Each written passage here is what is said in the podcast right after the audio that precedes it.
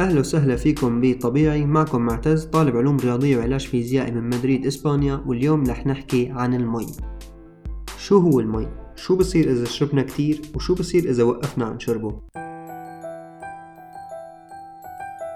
معلومة عامة حبيت شاركها إنه المي هي المادة الوحيدة الموجودة على كوكبنا بأشكالها الثلاثة السائل والصلب والغاز. وقبل ما نبلش مهم تعرفوا إنه لما نقول مي نقصد فيها كل الشراب يلي بيحتوي على المي مثل القهوة والشاي مثلا. أنا كتير سمعان الجملة البرامج الصباحية وشايفها بالمجلات إنه لازم نشرب 8 كاسات مي باليوم. بس الحقيقة ما لقيت أي دراسة بتدعم هالرقم بالتحديد. هالجملة ما لها أي أساس من الصحة.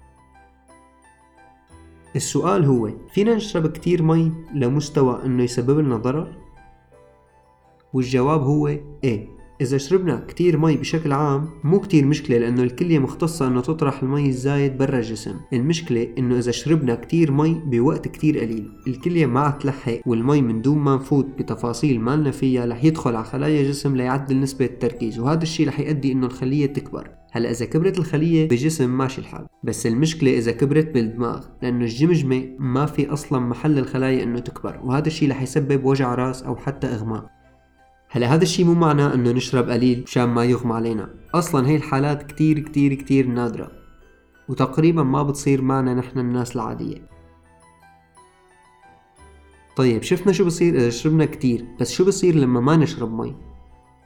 أول الأعراض رح تكون نشفان بالتم وجع راس بطء بردة الفعل. وإذا ضلينا من دون مي 3 أو 5 أيام هذا الشي ممكن يؤدي للموت.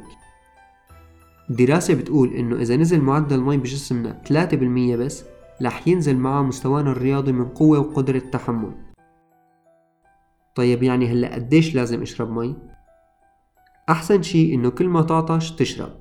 جسمك بنظم هالأمور بشكل ممتاز وما تلحق المجلات وكم كاسة مي بيقولوا لك إنك تشرب باليوم لأنه احتياجات كل شخص تختلف عن الثاني حسب حجمنا وحركتنا خلال اليوم أو حتى ممكن تختلف حسب البلد اللي عايشين فيه.